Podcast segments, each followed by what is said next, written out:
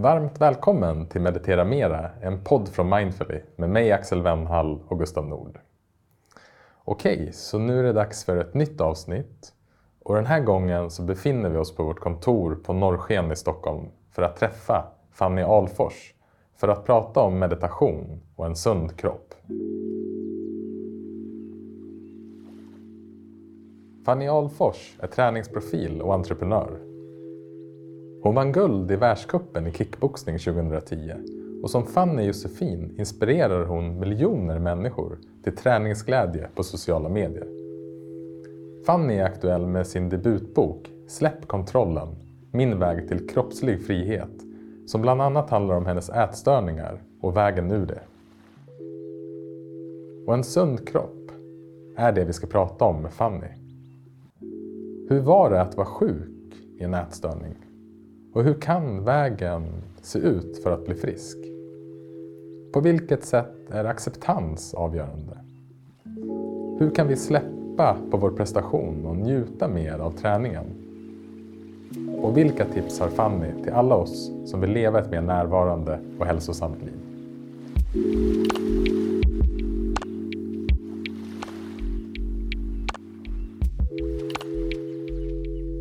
Hej Fanny! Välkommen till oss idag här på Norrsken. Tack så mycket. Det här är ju första gången vi ses, eh, även om vi nu hade eh, nöjet att käka lite lunch tillsammans innan vi ses här. Och jag har ju också fått förmånen att läsa din nya bok Släpp kontrollen, min väg till kroppslig frihet. Och jag tänker att det är det som vi kommer prata om. Alltså hur, hur vi kan skapa en sund relation till vår kropp och till träning.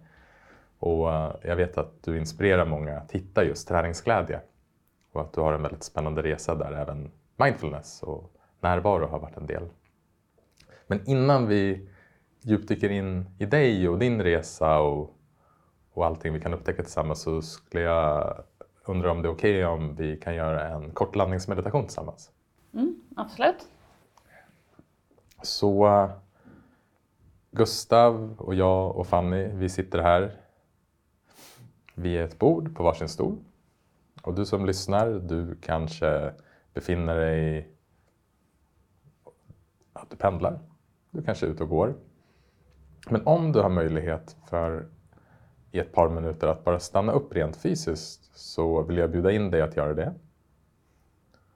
Och om du har möjlighet att sluta ögonen så kan du göra det också.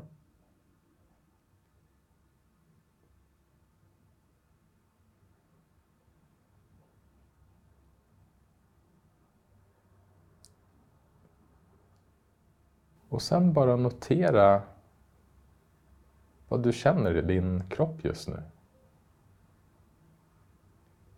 Vilka förnimmelser kan du uppleva just nu?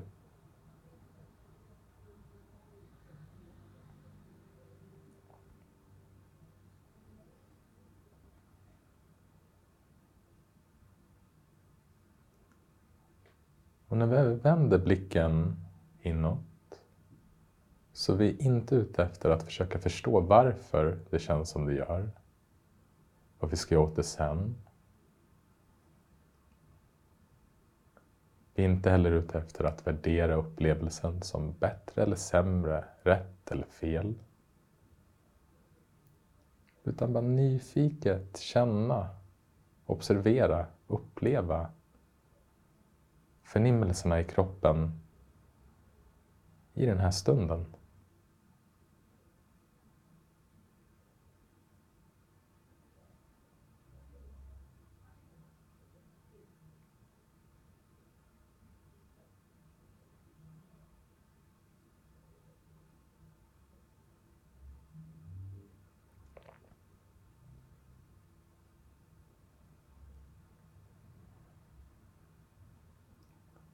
Och så kan du bara släppa taget om den här korta landningsmeditationen.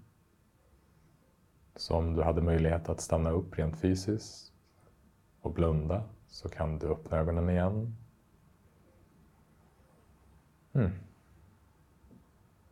och bara komma tillbaka med din uppmärksamhet till vårt samtal. Och för oss, bara komma tillbaka med vår uppmärksamhet här i rummet.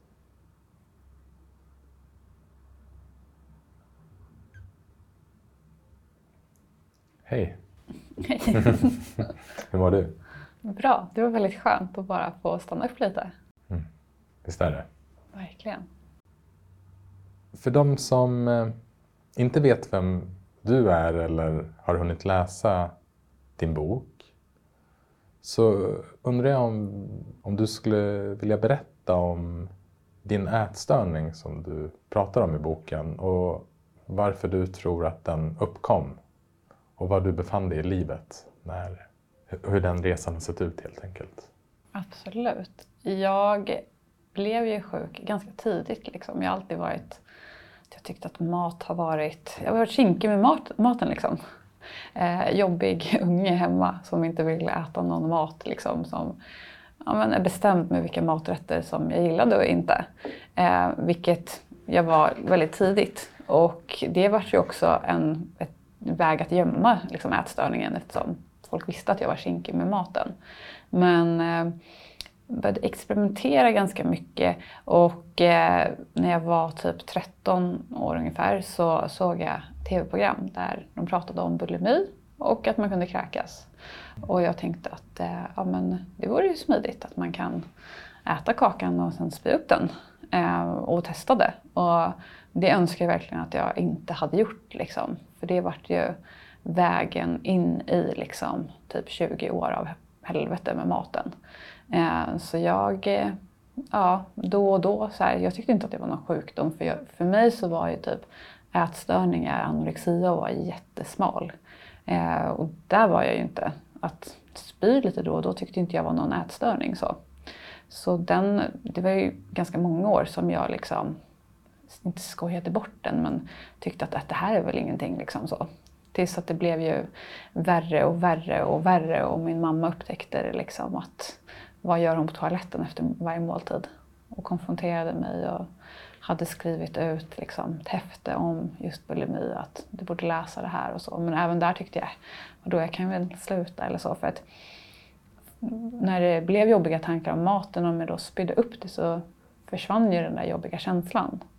Eh, det var en enkel utväg och gör man inte den enkla utvägen så kommer ju ångesten att knacka på och det blir jobbigt.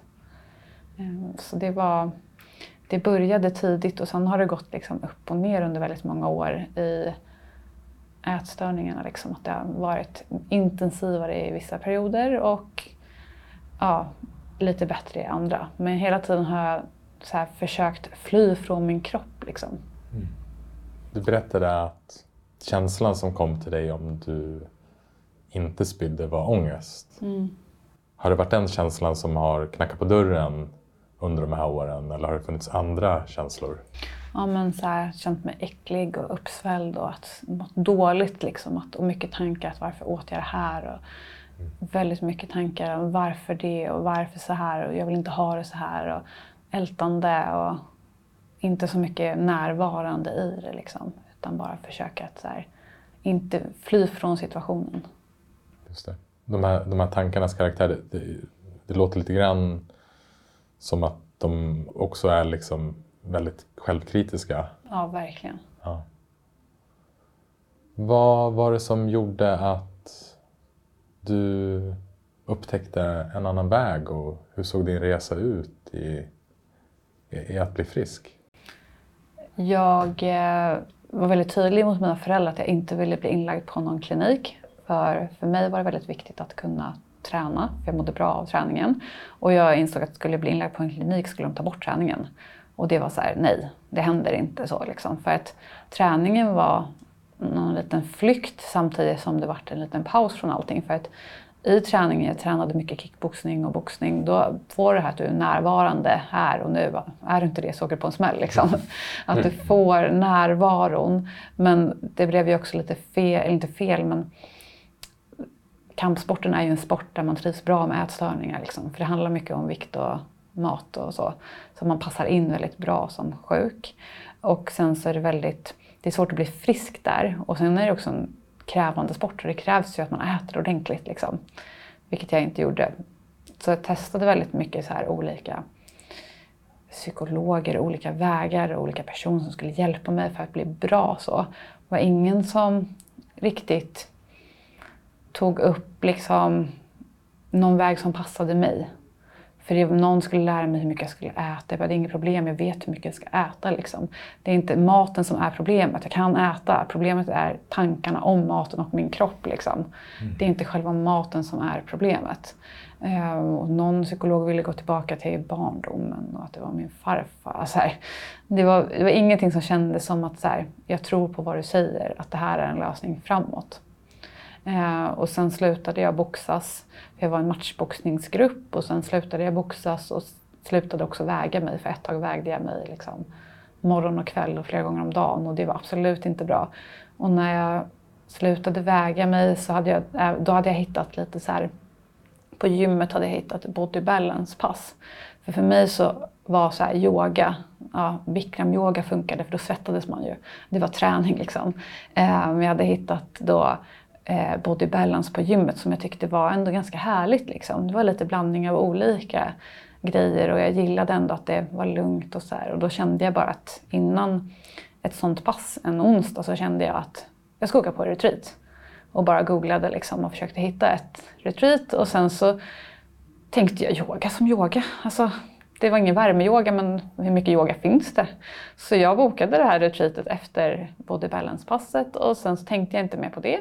Och sen när det liksom blev dags för yoga-retreat så kom det en, ett informationsmail där det stod så här, fredag, vi går in i tystnad. Då hade jag bokat så här, medicinsk yoga och mindfulness-retreat. Så mm, vi började liksom med att gå in i tystnad och vara tysta hela helgen. Och eh, det var inte en, alltså jag kunde inte fly från min kropp. Jag kunde inte kontrollera någonting för det var den maten som serverades där och nu ska du sitta här på en pall i 45 minuter.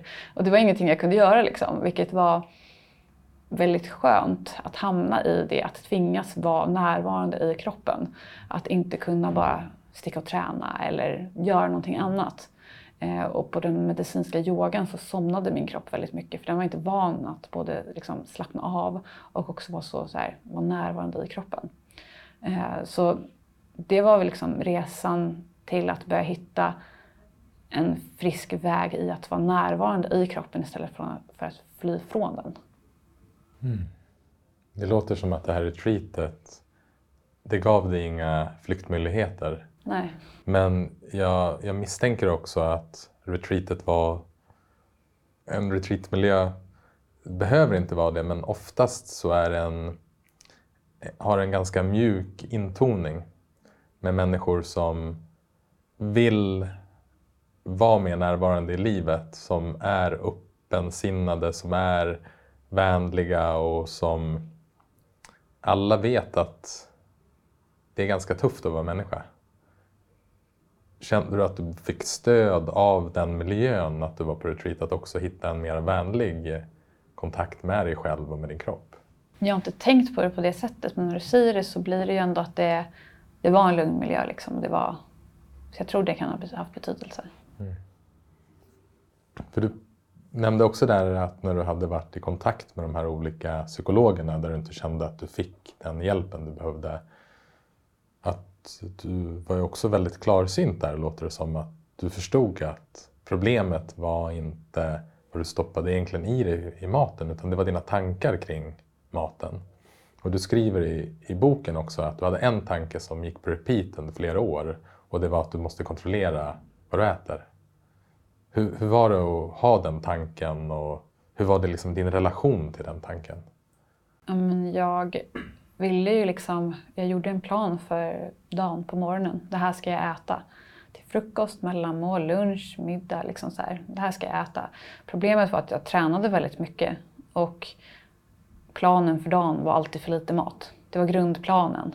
Det var liksom en plan som var gjord att misslyckas varje dag. Och då när man har liksom, det går ju bra att äta lite en dag eller två, men när man har gjort så en längre tid så skriker ju också kroppen efter mer mat. Och man tänker inte klart, utan det är så här, har du ätit din lunch? Och så är det att man känner sig inte mätt. Och det är också svårt med hunger och mättnadssignaler, men att det är så här, ja, något sug så bara men, ta lite till eller ta något mer eller så. Det var en gång som jag tog en apelsin ur fruktkorgen på jobbet och eh, fick ångest efteråt och bara varför tog jag den här apelsinen? Och var, alltså så här, det handlade inte så mycket om vad jag tog utan att jag bröt kontrollen. Liksom. Och eh, ja, det var en plan gjord att misslyckas varje dag.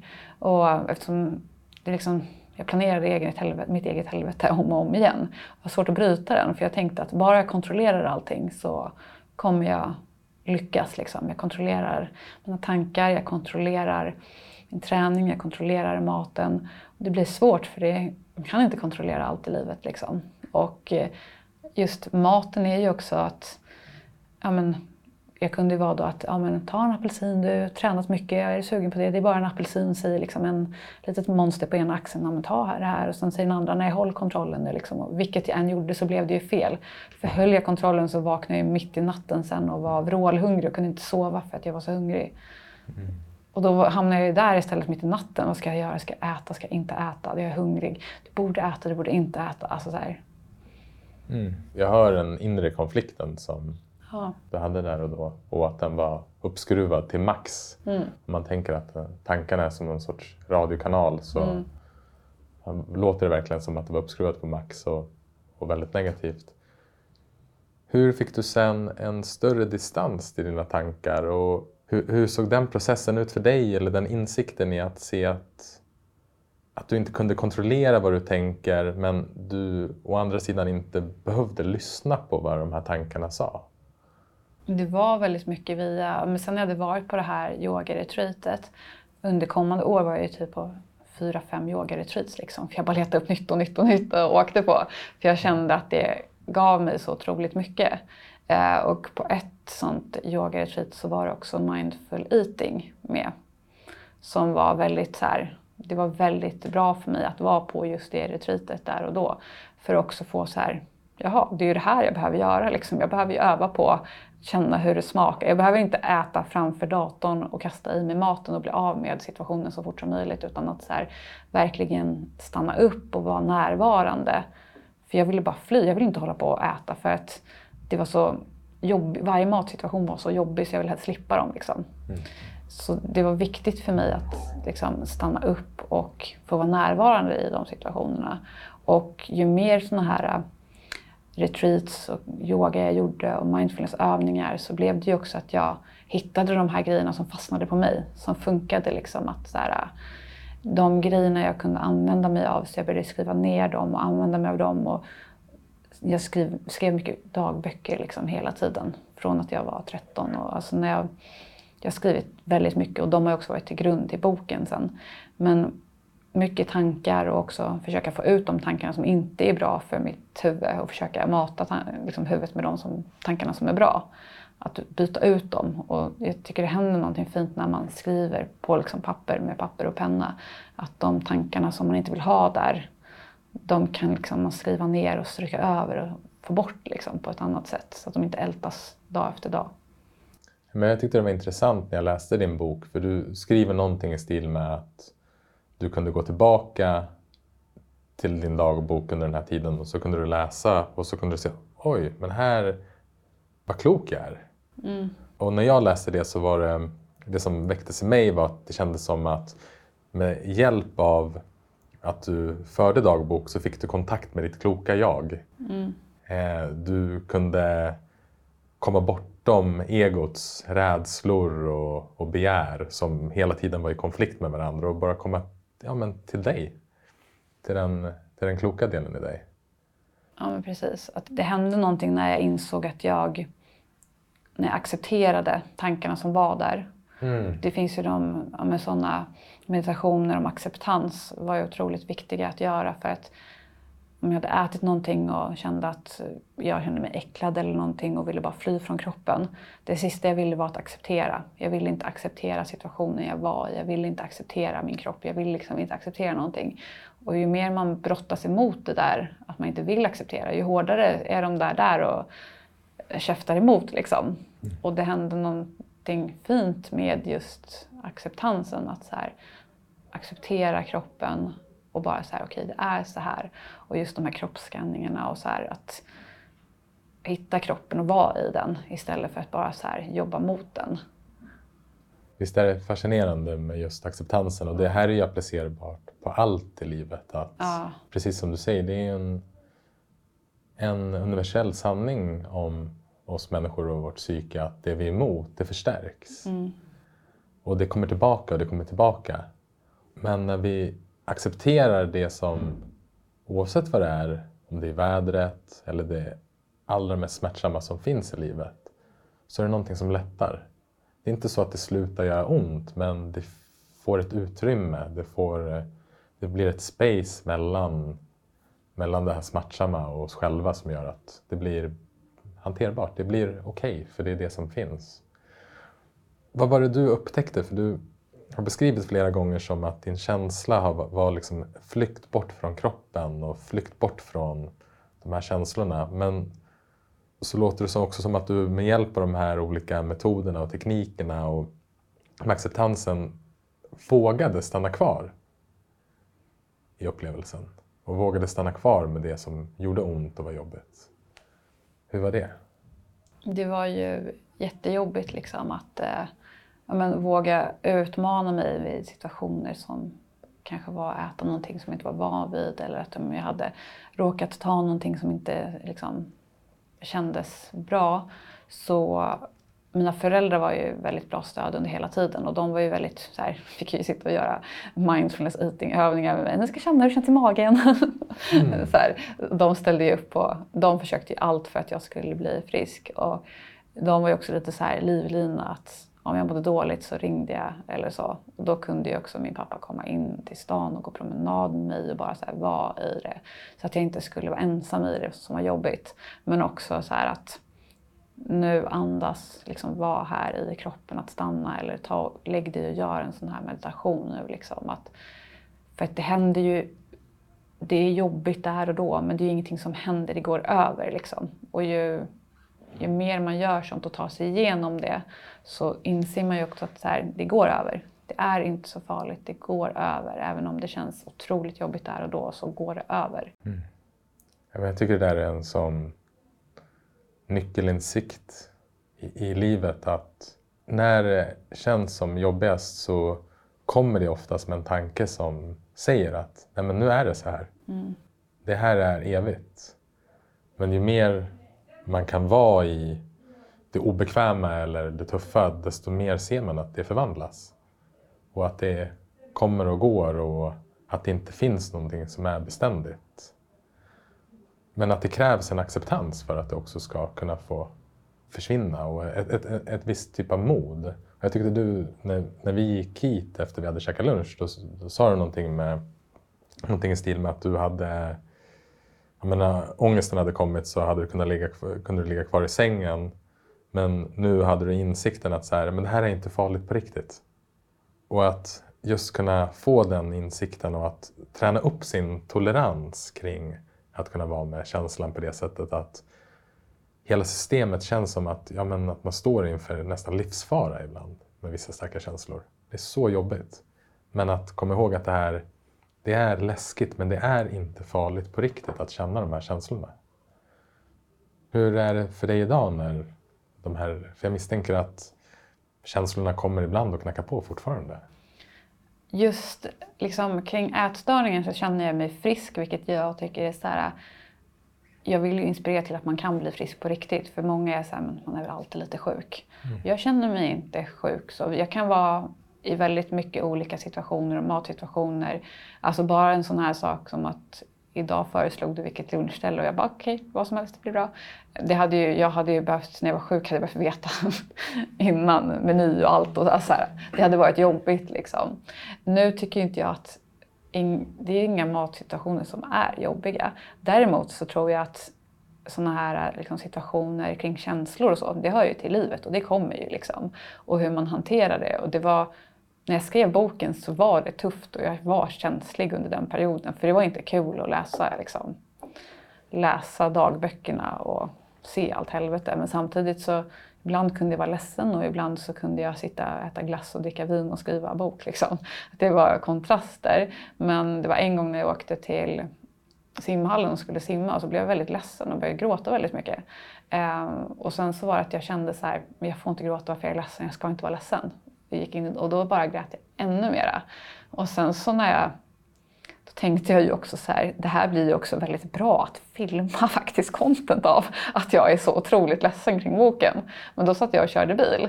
Ehm, och sen så tänkte jag så här, kom jag på de här tankarna om acceptans, det är okej att vara ledsen, det är okej att gråta. Och då hände någonting. Så då kunde jag sen inte gråta. Då slutade tårarna. Så sen när jag kom fram till badet, bara, nu ska jag filma det här.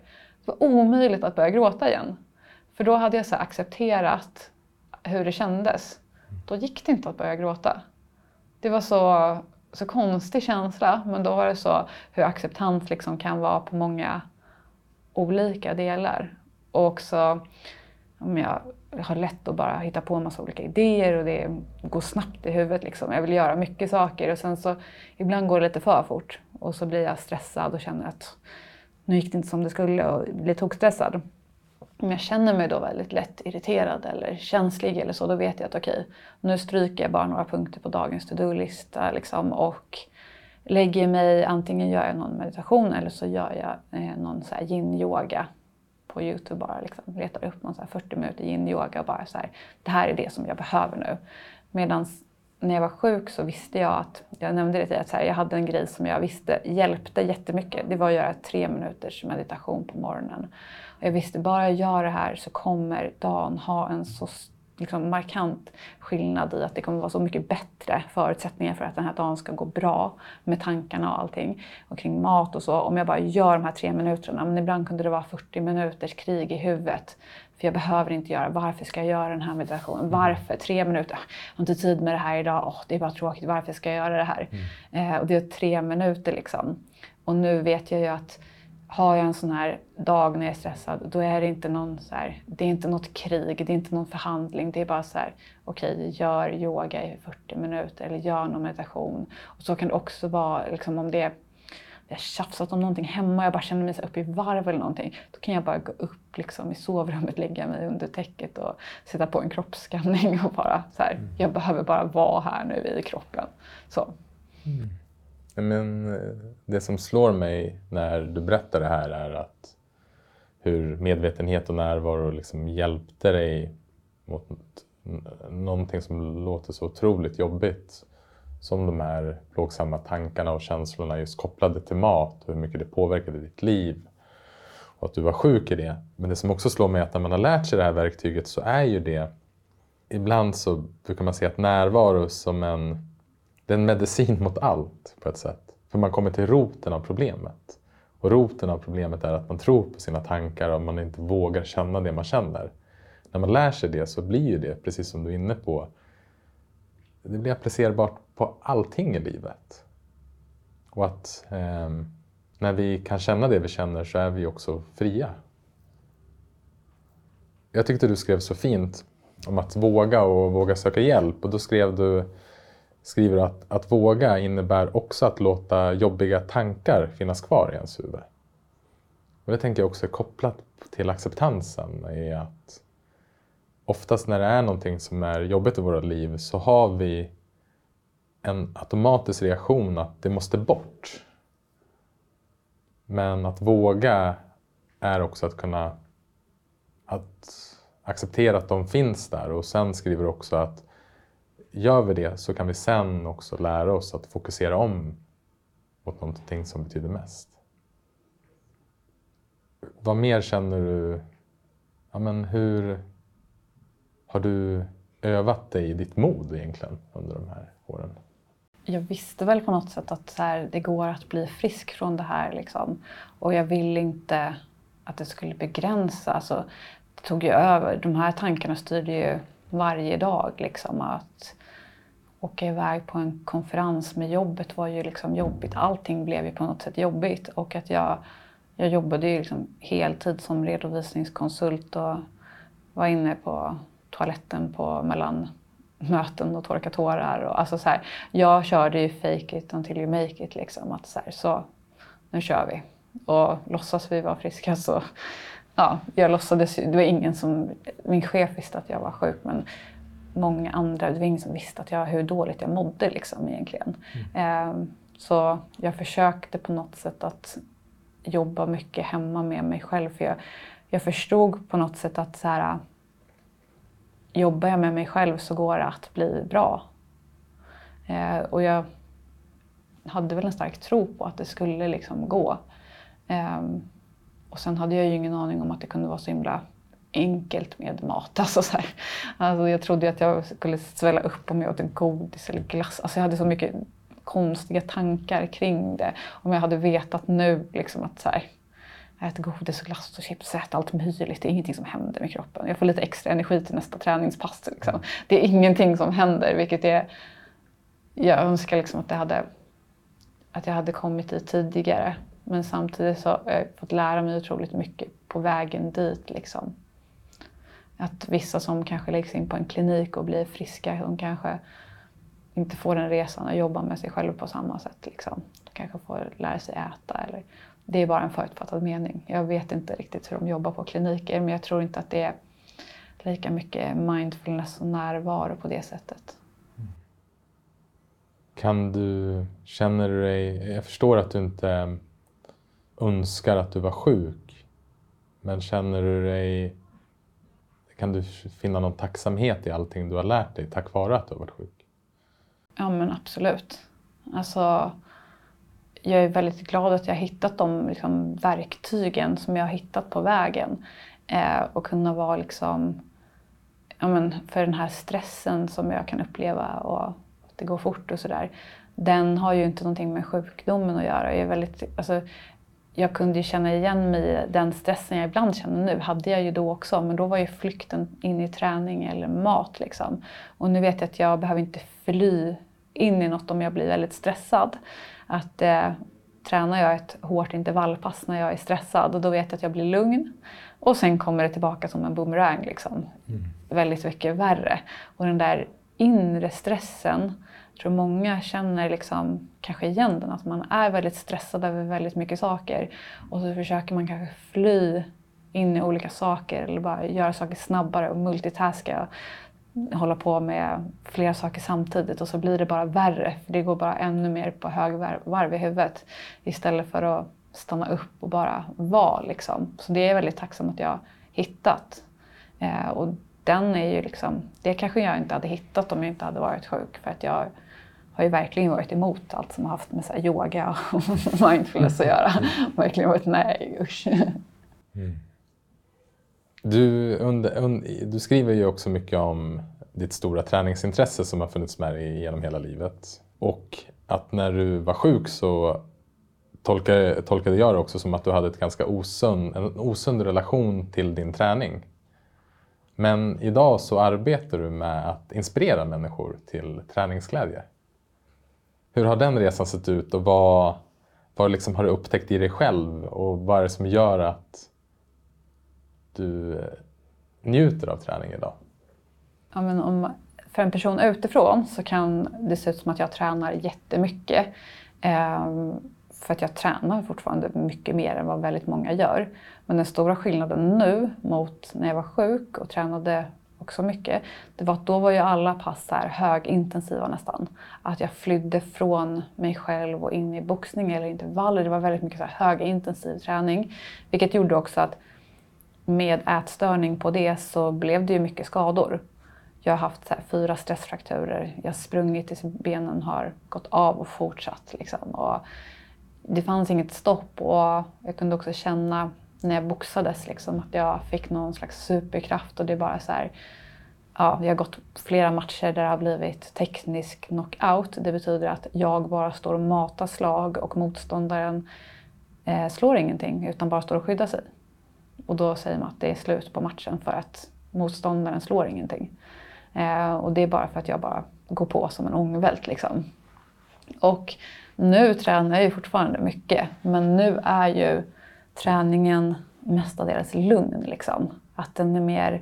Jag vet att jag behöver inte hålla på och pressa mig jättehårt. Det är också ganska jobbigt att pressa sig så hårt hela tiden. Man behöver vara mentalt stark. Liksom. Att jag var så otroligt stark mentalt förut.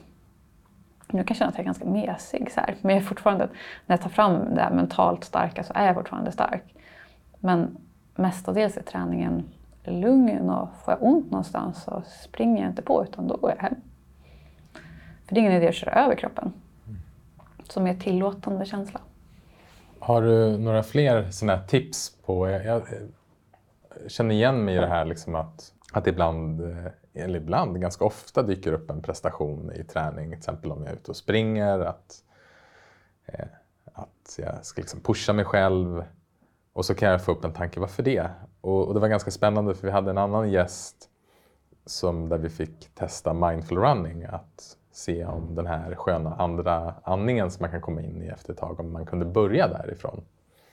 Och när jag läser din bok så känns det som att du har kommit till ja, men så här, några sköna insikter hur man kan släppa prestation i träning. Det, finns det några andra saker som du tänker på eller kan tipsa oss som fastnar lite för mycket i prestation i vår träning? Ja, men framförallt att, så här, att pusha sig så hårt hela tiden. Att man pushar sig, om man säger så här, ett är jättelätt och tio är hårt. Liksom. Att pusha sig 9-10 på träningspass, det är egentligen ganska onödigt eftersom om man pushar sig så här 8, då har man oftast ganska trevligt fortfarande. Det är inte döjobbigt. Man får utveckling och det känns som att så här, det här kan jag göra igen. Om man pushar sig in i det här 9-10, om man till exempel springer intervaller, om man pushar sig så hårt så är det otroligt jobbigt det blir jobbigt för huvudet också.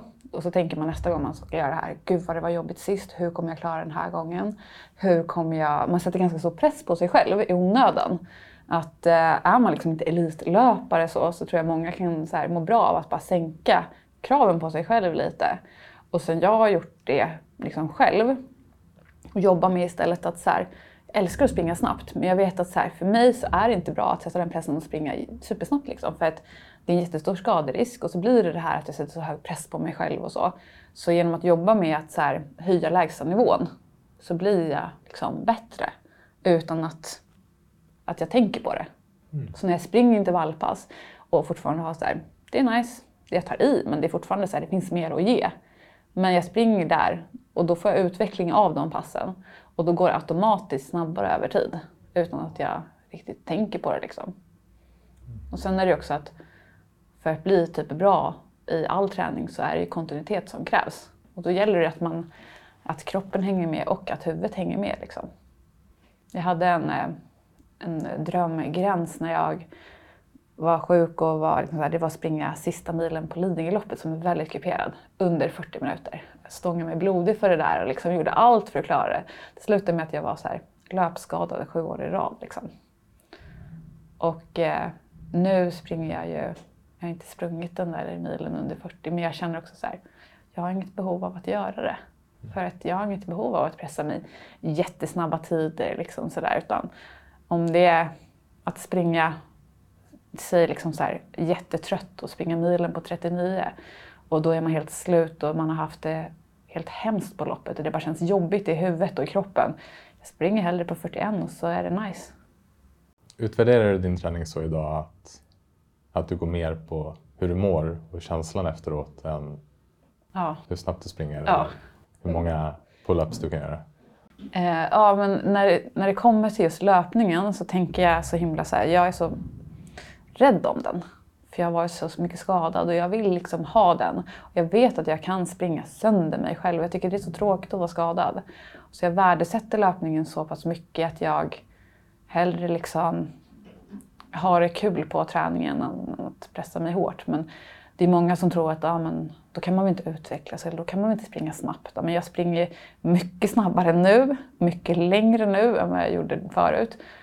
Och eh, det går mycket lättare, det är mycket roligare. Det går snabbare och längre. Det låter som en bra ekvation. Ja. Har du nytta av din närvaroträning när du springer? Eh, ja, eh, eller när jag springer bara så här ut i skogen med hunden, då är det ju ganska mycket att jag så här, automatiskt är bara här och nu. Liksom, där. Och, men när jag kör så här, jag har lite skillnad på backträning bara uppför. Att springa uppför ett berg, typ tusen höjd. Alltså här, en, halvtimme, timme bara uppför. Då, är det ju, då kan jag lätt ta i så här, nu ska jag pusha hårt liksom. Och vara i det obekväma. Och där kan jag ju få väldigt mycket nytta utav att kunna hantera tankarna. För det är ju otroligt så här, hur tankarna kan hjälpa och förstöra. Alltså för att går man in i, för det blir jobbigt, och går jag in i de tankarna att gud vad det är jobbigt, gud vad jag är dålig. En tag fick jag väldigt mycket ansträngningsastma. Att jag inte kunde andas. För jag tänkte, när jag inte tänkte på det, utan jag, tankarna tog över så pass mycket att jag bara kände mig värdelös. Ansträngningsastma på 12 sekunder och så kunde jag inte andas. Medan när jag springer nu uppför så vet ju jag hur mycket tankarna betyder. Och att om det kommer sådana tankar som att jag är dålig, att jag är värdelös, varför gör jag det här? Då blir det kaos, alltså det blir ett helvete. Men om jag istället tänker så här, okej okay, nu kommer den här tanken om att, som säger att vad dålig du är. Okej, okay, du kan vara där. Fokus på uppåt, framåt. Var stark, uppåt, framåt. Om jag det är den här med acceptansen, att acceptera de tankarna som kommer och sen så bara fokusera på uppgiften. Liksom. Mm. Så där är det jättestor betydelse. Och också under simning. Eh, jag och min kille tävlar i swimrun. Då simmar man och springer om vartannat. Och simträningen inne på vintern, den är inte min starka sida. Och då är man också ensam med sina tankar. Eh, och då körde jag ett pass för två veckor sedan. Då var det att jag skulle springa, eller simma eh, en mil. Och efter åtta kilometer så var det tungt. Alltså sista två kilometerna var tunga. Och då var det ju väldigt mycket så här fokus på vad som pågår i huvudet. Men jag älskar det på något sätt också att få komma dit, att ha den möjligheten att jobba med tankarna där och då. Mm. För när jag är ute och springer vanligt, det blir inte mentalt jobbigt. Det är ingen, alltså jag får ingenting att jobba med. Jag sprang fem mil en gång och tänkte på slutet kommer det bli jättejobbigt, jag kommer få jobba med mina tankar. Kom till fyra mil tycker jag det var lekande lätt. Alltså jag fick inte den. Och det är likadant så här, många gånger när jag känner att de här tankarna kommer så försöker jag se det som en möjlighet att nu kan jag faktiskt jobba med tankarna. Nu är jag i det här. Det är här jag kan jobba med tankarna. Det är här är jobbigt. Jobba med hur det känns att vara kvar i det. Sen har man ju vissa dagar när det är så här, nej, det är en skitdag idag i bassängen. Jag har ingen lust att göra det här. Jag skiter i det här, jag går härifrån. Mm. Alltså när man känner sig så trött i kroppen och trött i huvudet, då bara skiter jag i det. Men kommer det sådana tankar ibland då jag ändå känner att så här, men idag så har jag faktiskt så här, jag har tid att jobba med mig själv här. Då gör jag gärna det. Det är ett väldigt fint skifte i ens utveckling när det som man tidigare flytt från, att man kan börja bli intresserad av det. Ja. det är, ja, men där finns ju hela ja. utvecklingen. För det som är, egentligen det enda som har hänt är att man har skiftat attityd gentemot ens inre upplevelse. Mm. Och ett annat ord som kom till mig när du beskrev när du beskriver din resa är att det låter som att du hade väldigt, väldigt lite självmedkänsla när du var sjuk. Och nu så har du mycket självmedkänsla. Att, och självmedkänslan, så som jag tolkar in det när jag hör dig beskriva det här, är självmedkänslan finns i att kunna acceptera, här är tanken. Men självmedkänslan finns också i att okej, okay, men släpp tanken, fokusera på uppgiften och att du har hittat en inre vänlighet gentemot dig själv. Ja, men det tror jag. Samtidigt som det är ju, jag har ju en förmåga, jag har ett så starkt pannben och jag har en förmåga att, att eh, använda det och så gillar jag ju liksom att jobba med det. Men jag kan ju vara också väldigt hård mot mig själv och pusha mig otroligt hårt liksom. Och, ja, väldigt hårt så. Men det är, nu är det ganska mycket medvetet när jag gör det. Och eh, ja, men det är mer medvetna val. Att nu pushar jag mig hårt här mentalt. Liksom. Det var inte som förut att jag sprang och pushade mig hårt eller boxades och pushade mig hårt för att det var så mycket i min kropp som ville ut. Typ, liksom. Ja, och det är väl det som är nyckeln, att, att vi får ett val. Mm. Att vi väljer, okej okay, men här är läge att pusha på. Det kan också vara självmedkänsla, tänker jag. Att ibland kan man tro att medkänslan handlar bara om att ta det lugnt. Nej, nej, nej. Alltså, när jag hör dig att du springer upp för en halvtimme, timme upp för ett berg. Dels blir jag väldigt imponerad. det låter så otroligt jobbigt. Men jag tänker att det också finns en, en medkänsla i, ja men, nej, men jag ska fixa det här. Alltså, jag låter inte mina tankar styra mig så att jag slutar göra det här utan jag, jag vill lita på min kropp, att jag har kapacitet att göra det här. Att det finns också en medkänsla i det. Men just som du var inne på, att det är valet som är det viktiga. Det medvetna valet. Att se, okej, okay, när är det läge att pausa? Och när är det läge att köra på? Hur eh, är din relation till vila idag då? Eh, den är ju helt annorlunda idag mot när jag var eh, sjuk. Då hade jag ju så här, en vilodag. Det var en period jag hade inte vilat på flera månader liksom, för jag bara flydde in i träningen hela tiden. Och om någon sa du ska vila en vecka så fick jag panik över det. Liksom. Så, vila var någonting jag helst undvek. Liksom. Nu så vet jag att vila är någonting som, det är liksom inte förhandlingsbart. Det är så här, vila, punkt, varje vecka.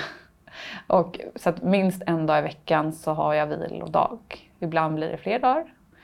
Det blir aldrig färre, det blir en dag. Och ibland tycker jag så här, kan tänka, jag äh, ändå tränar så himla lite, behöver ingen vila eller vara lugna pass eller försöker liksom ibland. Sen så bara nej, vila. Då kan det istället vara att jag kanske tränar två gånger en dag för att vila nästa dag för att jag vill ha vilan liksom. Och sen har jag bara, ungefär var fjärde vecka har jag lugnare träning så att jag inte har någon träning som är liksom högintensiv så. Men så som träningen är nu, det är så himla mycket bara lugnt och härligt och mysigt. Och, ja, så. Det är inte så mycket tuffa pass, men det är också för att jag har höjt min lägsta nivå så mycket. Så att de tuffa passen tycker jag är de här när jag jobbar mentalt, jag tar i och det är svettigt och det är jobbigt. Liksom. Det är inte jättemånga pass i månaden. Och det är det som många blir så förvånade att Eh, de tror att man behöver kämpa sig, stånga sig blodiga för att man ska utvecklas. Men jag har ju senaste åren tränat väldigt mycket lugnare än vad jag gjorde förut. Jag har mycket bättre utveckling av att faktiskt vila, och äta och välja liksom, några pass som jag pushar mig hårt. Mm. Det har varit eh, så inspirerande att få lyssna till dig och ta del av din resa och hur du kan göra kloka val. Det, det inspirerar mig också i att i min träning som inte alls är i, i närheten av samma nivå som dig så ja, men, eh, jag, jag, känner att jag vill hitta ännu mera glädje i träningen och ligga mer på, nummer, ligga mer på åttan. Det kändes väldigt lockande. Vi har en, eh, ett segment i podden som vi kallar för Fem snabba. Så eh, bara det första som dyker upp. Mm. Vilka personer, du får välja max tre stycken, men de kan vara både levande eller döda. Skulle du vilja bjuda på middag? Oj, det var svårt. Cecilia Duberg, Malin Bajard. Tredje då, Bianca Ingrosso. Mm. En mix av allt. Vilken är din favoritplats på jorden? Ehm, det är, får man ha flera? Det är okej. Okay. Nej, jag kan ta typ bergen i Schweiz uppe, liksom, långt upp i bergen. Vilken bok eller dokumentär skulle du vilja tipsa om? Min bok. Mm. Som heter? Släpp kontrollen, min väg till kroppslig frihet. Vilket är det bästa rådet du har fått? Mm, jag tror det är med acceptans. Att liksom ja, jobba med acceptans. Vad är du tacksam för just nu? Jag är väldigt tacksam att jag har kommit dit där jag gjort med liksom ätstörningsbiten. Att jag, är så, att jag liksom är fri på ett sätt som jag var i ett fängelse då, liksom, kändes det som. Tack. Tack. Skulle du vilja dela med dig av eh, en övning som har fungerat väldigt bra för dig? Ja men absolut. En övning som jag tycker har fungerat väldigt bra är liksom för att komma ur min ätstörning så behövde jag ju våga utmana mig att äta nya saker eller våga göra nya liksom, grejer som var utanför den här kontrollen jag hade. Men det som hände var ju att när jag bröt kontrollen så mådde jag dåligt i det och ville fly från mig själv och liksom så här. Och då vart det ju väldigt jobbigt att göra de här sakerna. Så jag ville ju hellre undvika dem, men då blir man ju fast i det. Så då var det att jag gjorde en handlingsplan. Och den handlingsplanen gjorde jag ju inte när jag då var mitt uppe i, hade tagit en apelsin och mådde dåligt. Utan den gjorde jag då när jag var, liksom, tänkte lite klarare i huvudet. Och den kan man också göra, man göra själv tillsammans med en kompis eller förälder eller någonting. Eh, när man tänker lite klarare och så skrev jag ner då vad jag kände när jag hade ätit liksom någonting som jag inte ville eller som var utanför planen. Och sen hittade jag på saker som jag kunde göra som var en handlingsplan. Så här, livlina, ring en kompis, ring liksom, mamma och pappa var en livlina. Och så var det ju också så här, gå en promenad. Det var även eh, just att göra så här mindfulnessövningar, att vara i nuet och vara i det. Att inte fly, att inte gå och spy, att inte dra och köra ett intervallpass på gymmet. Att, så här, att inte fly från det utan att vara där. Och det som hände genom att jag hade det här var ju att när jag hamnade i den situationen, när jag hade tagit någonting som kändes jobbigt, var ju att jag kunde ta fram det här jag hade skrivit upp liksom med papper och penna. Okej, vad ska jag göra nu? Okej, läsa de här. Vad är det som funkar just nu? Okej, det här funkar. Jag kan ringa pappa och så kan han, visste han vad han skulle göra om jag ringde. Okej, nu har jag ätit det här. Då kunde han hjälpa mig i den situationen. Så att man liksom tar sig igenom det. Och då blev det också en trygghet i att jag visste att jag vågade utmana mig. För jag hade en plan vad jag skulle göra om det blev jobbigt. För det är ju inte säkert att det blir jobbigt varje gång. Men om det blir jobbigt så har man en plan för det. Och det kan ju även vara alltså, andra saker i livet som man kanske har det jobbigt med. Att man har en plan för när känslorna kommer. Så man kan hantera dem. Istället för att bara så här, varför kom det här nu igen? Varför mår jag så här? Åh, nu gjorde jag det här igen. Nu hände det här igen. Åh, vad dålig jag är. För att det är så lätt att fastna i de där negativa tankarna som bara tar över. Istället att då kunna komma ur det liksom. Så vi kan döpa den handlingsplan. Tusen tack för att du ville komma hit och vara med i podden. Tack för att du har delat med dig om din resa. Ja, men hur närvaro och medvetenhet och kanske framförallt acceptans har hjälpt dig. Det har varit väldigt inspirerande att få, få möta dig och ta del av det. Tack för att jag fick vara med. Mm. Tack för att du har lyssnat på det här avsnittet av Meditera Mera från Mindfully med Fanny Alfors. Vi hoppas att du har blivit inspirerad av vårt samtal. Och om du vill komma i kontakt med Fanny så hittar du hennes kontaktuppgifter på vår hemsida mindfully.nu. Och är det något vi har tagit med oss från vårt samtal med Fanny är att inte fly från känslan utan att stanna kvar i kroppen. Ta hand om dig så hörs vi snart igen.